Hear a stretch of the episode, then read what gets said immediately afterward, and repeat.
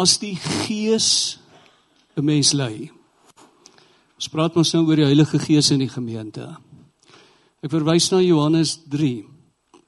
Dis 'n baie bekende gedeelte. Jesus se gesprek met Nikodemus. Nou, sommer net so vir die interessantheid, daar's twee Joodse geskrifte uit die tyd waarin Jesus leef wat na Nikodemus verwys wat 'n baie ryk handelaar was, 'n invloedryke leier en 'n fariseer. Nou, miskien is dit die Nikodemus waarvan ons hier praat. Hy was 'n fariseer. Die fariseërs was die tweede party, die Sadduseërs was die nageslag van Sadok wat die hoëpriester was. Met ander woorde, hulle was die priesterlike familie en en die invloedrykes onder hulle het 'n het 'n beheerparty in die Joodse raad gevorm.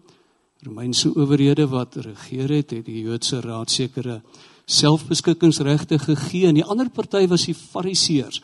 Hulle was die afgesonderdes, is wat die woordjie beteken. En daar was soveel as 6000 van hulle. Dis nou mense wat bietjie invloed gehad het en en wat ook oor die politiek betrokke was.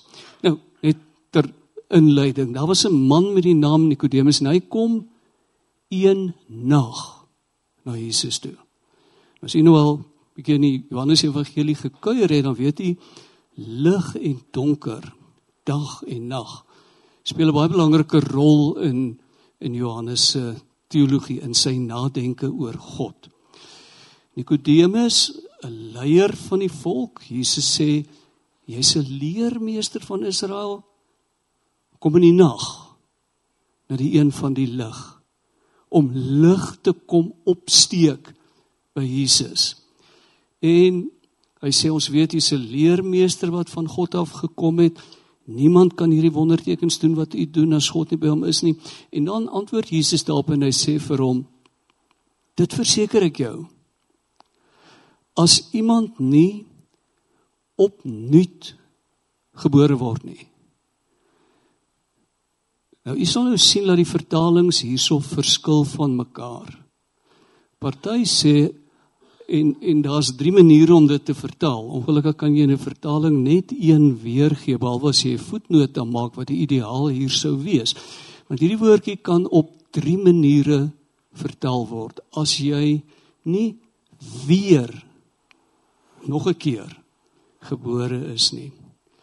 As jy nie nuut gebore word nie of dan wat waarskynlik in hierdie konteks die beste een is as jy nie van bo gebore is nie kan jy nie die koninkryk van God sien nie. Dit begin hier waar jy van bo gebore word. Nou kom ons sê net Nikodemus verstaan hom verkeerd. Hy hy sê Here weer nog 'n keer gebore. Wat beteken dit Jy's nou al ek is nou al ou man, groot man. Hoe moet ek in my ma se moederskoot beland? Want hy interpreteer dit letterlik. Maar Jesus sê as jy nie nog 'n keer van God af gebore word nie, kan en dis waar dit begin, gaan jy nie die koninkryk sien nie. En ek dink ons verloor soms uit die oog dat hierdie tweede deel ook daar staan. Ons maak baie van weergeboorte. Maar miskien moet ons 'n bietjie meer maak van koninkryk. Want weergeboorte is daardie eenmalige geleentheid waar die Heilige Gees se mens oortuig het van sonde, jy jou hart aan die Here oorgee, jy aanvaar baie keer beleef, hy vergewe jou sonde, jy word 'n kind van God. Maar wat dan? Dan moet jy die koninkryk van God sien. Wat beteken dit? Doodgewoon dat die Here oor 'n mens se lewe beheer neem. Dat hy regeer in jou lewe, dat hy jou lei om agter hom aan te gaan en jou lewe in sy dienste wy. Maak dit sin? Dit begin hier maar dit moet aangaan waar ek op 'n daaglikse basis as 'n geesvervulde persoon deur die Heilige Gees gelei word om getrou agter die Here aan te loop. Dan sê Nikodemus, ou man, weergebore, Here, hoe gebeur dit? En dan vers 5 wat ons teksvers is. Jesus het geantwoord: "Dit verseker ek jou, as iemand nie uit water en gees gebore word nie." Nou wat gebeur by 'n geboorte? Ek sal nou nie baie weet nie want ek was nou nog nie daar nie.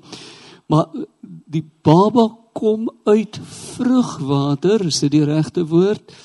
Word uit water gebore en wat is die voorwaarde dat hierdie klein mensietjie lewe? Die eerste keer snak na asem, dat gees en liggaam bymekaar uitgebring word. Sien nie wat wat doen Jesus? Hy gebruik die bekende beelde van 'n natuurlike geboorte en hy pas dit toe hier.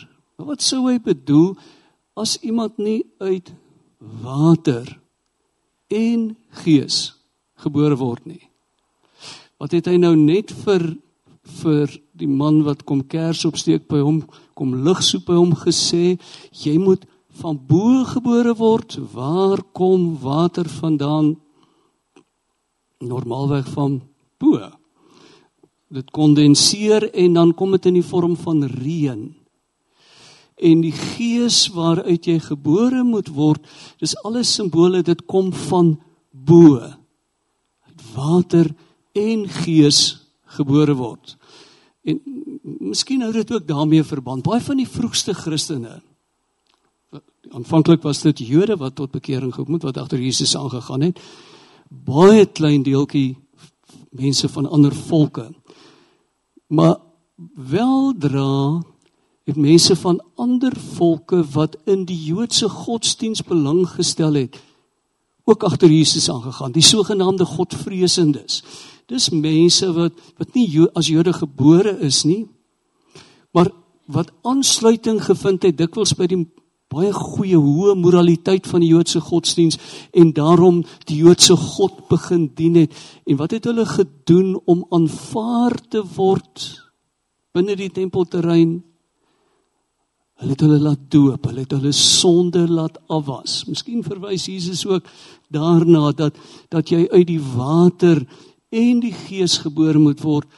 Maar dan herhaal hy as iemand nie op hierdie manier gebore word nie, kan hy nie in die koninkryk van God kom nie. En dan volgende versie Moenie verbaas as ek jou gesê het jy moet opnuut gebore word, jy moet van bo gebore word nie, want die wind waai waar hy wil.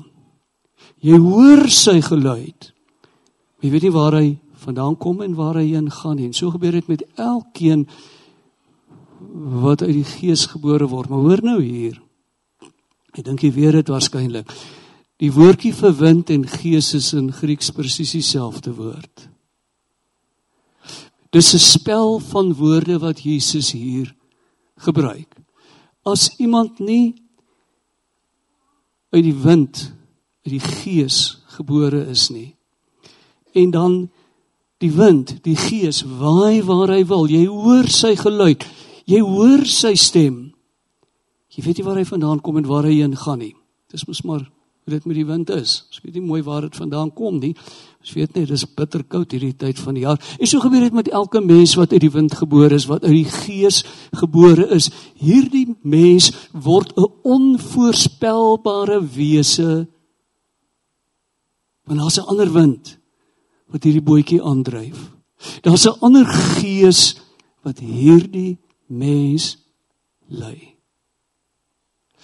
Dis 'n gees wat van hierdie mens 'n mens onder die beheer, onder die regering van die Here maak, 'n mens van die koninkryk. En dan 'n tweede teksvers kom uit Romeine Paulus se definisie van 'n Christen. Paulus wat 'n derde van die Nuwe Testament vir ons neergepen het, gee net op een plek 'n definisie van 'n Christen. Romeine 8 vers 14. Almal wat hulle deur die gees van God laat lei, is kinders van God. sien hoe belangrik is dit die leiding van die Heilige Gees in 'n mens se lewe. Baie mense dink ek draai om, hulle sien Christus raak. Maar ek vra hoeveel van hulle het begin om die lang pad agter Christus aan te loop. Die pad waar die Heilige Gees hulle lei. As jy nou nie 'n lekkertjie saamgebring het nie, is dit nou my eie verlies. Die een wat ek in my mond sit is baie lekker. Mense kom tot bekering, hulle laat hulle selfs doop. Sommige het selfs die ervaring van die doping met die Heilige Gees. Maar volg hulle die stem van die Heilige Gees? Volg hulle hulle meester? Of gebeur dit langs die pad dat hulle aandag afgelei word deur ander meesters wat in belangrikheid vir hulle toeneem.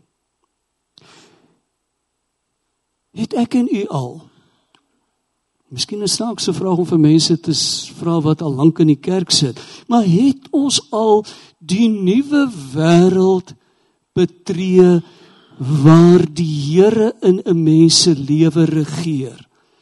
Waar sy gees jou lei, waar 'n mens se lewe 'n goddelike impak op ander mense het. Waar jou woorde soos woorde van God word wat mense opbou en aanmoedig en slim maak en wysheid gee.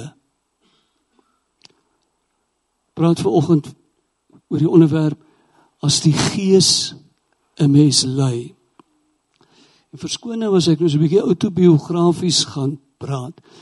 Maar ek wil graag uit my eie ervaring oor die leiding van die Heilige Gees probeer gesels en en, en net vinnig vier dinge noem wat ek dink wat wat die Heilige Gees as jy agter die Gees aan begin loop en hy jou lei, vier dinge wat in jou lewe realiseer. In die eerste plek, die Heilige Gees bring 'n goddelike direktheid in jou lewe.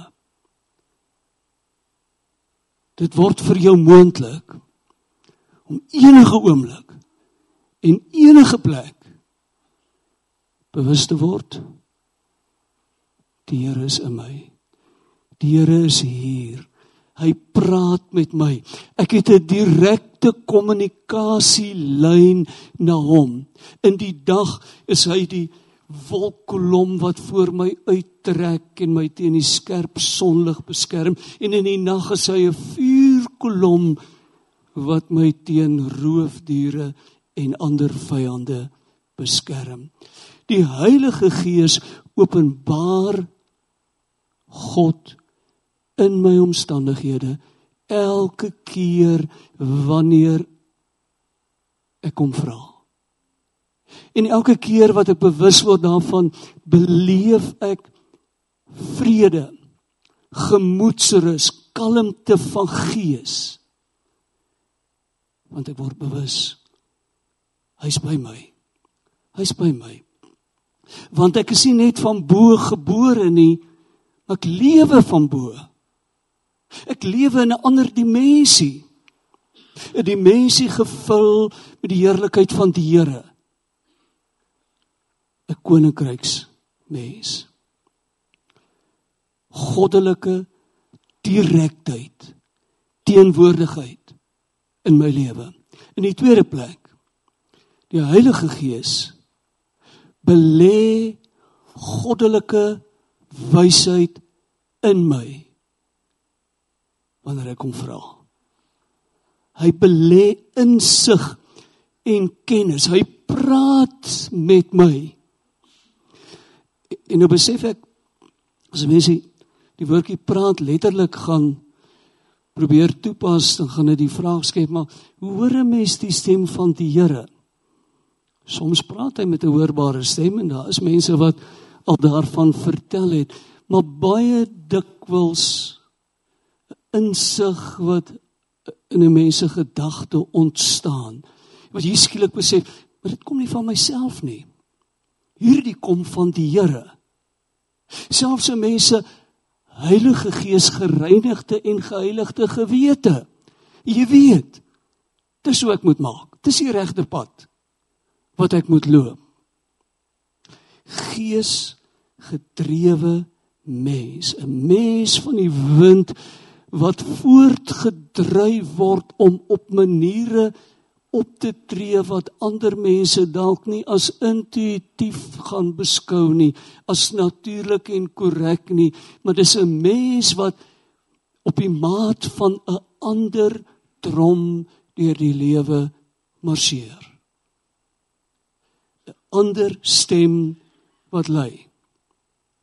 Ek sê Die Heilige Gees rus ons toe met insig. Hoor wat sê dieselfde Johannes in sy sentbrief 1 Johannes 2 vers 20. Hy sê julle is deur die Heilige Gees gesalf. En julle ken almal die waarheid en hierdie is daar's twee maniere om hierdie te vertaal. Weer eens, julle ken die hele waarheid of julle ken alle waarheid of julle ken almal die waarheid. Ek vermoed die eerste een is meer korrek. Ons weet alles en ek vermoed dit op grond van hoe die teks aangaan. Vers 27 wat julle betref, die gees waarmee hy julle gesalf het, bly in julle en julle het niemand anders nodig om julle te leer nie. Sy gees leer julle alles. En wat hy julle leer is die waarheid en geen leuen nie. Ja, soos hy julle geleer het, moet julle in die seën bly of bly in die seën. Hy het julle geleer bly in die seën. Bly bewus van sy teenwoordigheid. Sy gees is genoeg. Sy gees is genoeg. Ons het nie ander stemme nodig nie. Die wysheid wat so hoog aangeslaan word in die Ou Testament. Dis wat hy ons gee. Dis waarmee hy ons toerus. Hy leer ons hoe om in situasies op te tree, hoe om moeilike situasies te hanteer. Hy rus ons toe selfs om moeilike mense te hanteer en saam met hulle te leef. Die Heilige Gees wat op Jesus by sy doop kom in fisiese gestalte van 'n duif wil oor u en my kom en wil ons lewe verander sodat ons Christus in ons wêreld verander mense word. Dis hoe God oor ons droom dat ons sy verteenwoordiger sal wees. Daarom het hy ons na sy beeld gemaak. Beeld draers van God. Hy wil hê dat ons dieselfde werke doen as die trouens. Nie eens dieselfde werk as Jesus nie. Jesus sê julle sal dieselfde werk as ek doen en selfs nog groter. Want hierdie wêreldse behoefte het indien moontlik nog groter geword. Die Heilige Gees bring 'n goddelike direktheid, die teenwoordigheid van die Here in jou lewe. In die tweede plek Dit rus jou toe met insig, met goddelike kennis, met wysheid. In die derde plek, as jy mooi luister, vertel die Heilige Gees jou wie jy eintlik is. Wie jy eintlik is. Want in die tyd dat ons uit die huis uit gaan, het ons dikwels 'n leuen begin glo wie ons is. Danksy paas en maas wat wat ouers word en wie van ons het opleiding gehad voor ons 'n ouer word en wat se risiko is dit nie om 'n kind te probeer grootmaak sonder enige opleiding nie. En oupas en oumas wat opmerkings en aanmerkings maak en en klasmaats en die juffrouens en menere wat soms gekruisig moet word vir die onnoosel goed wat hulle vir kinders vertel. Leuns wat ons oor onsself glo maar die Heilige Gees kom vertel ons jy mag nie aan minderwaardigheid ly nie. Kom ek bevestig net wie het jou gemaak en wat het hy in jou belê wat jou ware waardigheid is die Heilige Gees wat jou oortuig jou selfkritiek jou selfveroordeling wat met tye soos onkruid in jou lewe woeker en wat selfs met tye tot selfhaat lei kom van die duiwel die aanklaer die vader van die leuen maar luister na my. Ek is die weg en die waarheid en die lewe kom ek vertel jou die waarheid van wie en wat jy werklik is. Romeine 8 vers 1. Ons het nou nou gepraat uit Romeine 8, maar hierdie hoofstuk begin met vers 1 wat sê daar is daar nou geen veroordeling vir die wat in Christus is nie. En as jy nou as 'n 'n goeie nuwe Calvinis groot geword het en deur die katekisasie gegaan het, dan weet jy het Calvin vir u vertel, jy's 'n betorwe sondaar, daar's geen hoop vir jou nie. Jy's in sonde gebore en ontvang en maar eintlik andersom ontvang en gebore en jy sal sonde wees tot aan die einde. Kom ons luister eerder na die Heilige Gees wat sê. Daar's geen veroordeling Hou ook op om jouself te loop en veroordeel. As jy in jou swakheid na die Here kom, vind jy uit. Hy het jou klaar vergewe. Hy het jou klaar vergewe. Jy sal sien dat wat hierdie versie betref daar ook 'n voetnoot daar is. Daar's ouer manuskripte wat mooi tweede deel in die versie wat mooi aansluit by hoofstuk 7 en hoofstuk 8 geen veroordeling vir die wat in Christus Jesus is nie, die wat nie na die vlees nie, maar na die gees lewe. En dis wat in Hoofstuk 7 gebeur, so lyk 'n mens wat na die vlees lewe en so lyk 'n mens Hoofstuk 8 wat na die gees lewe.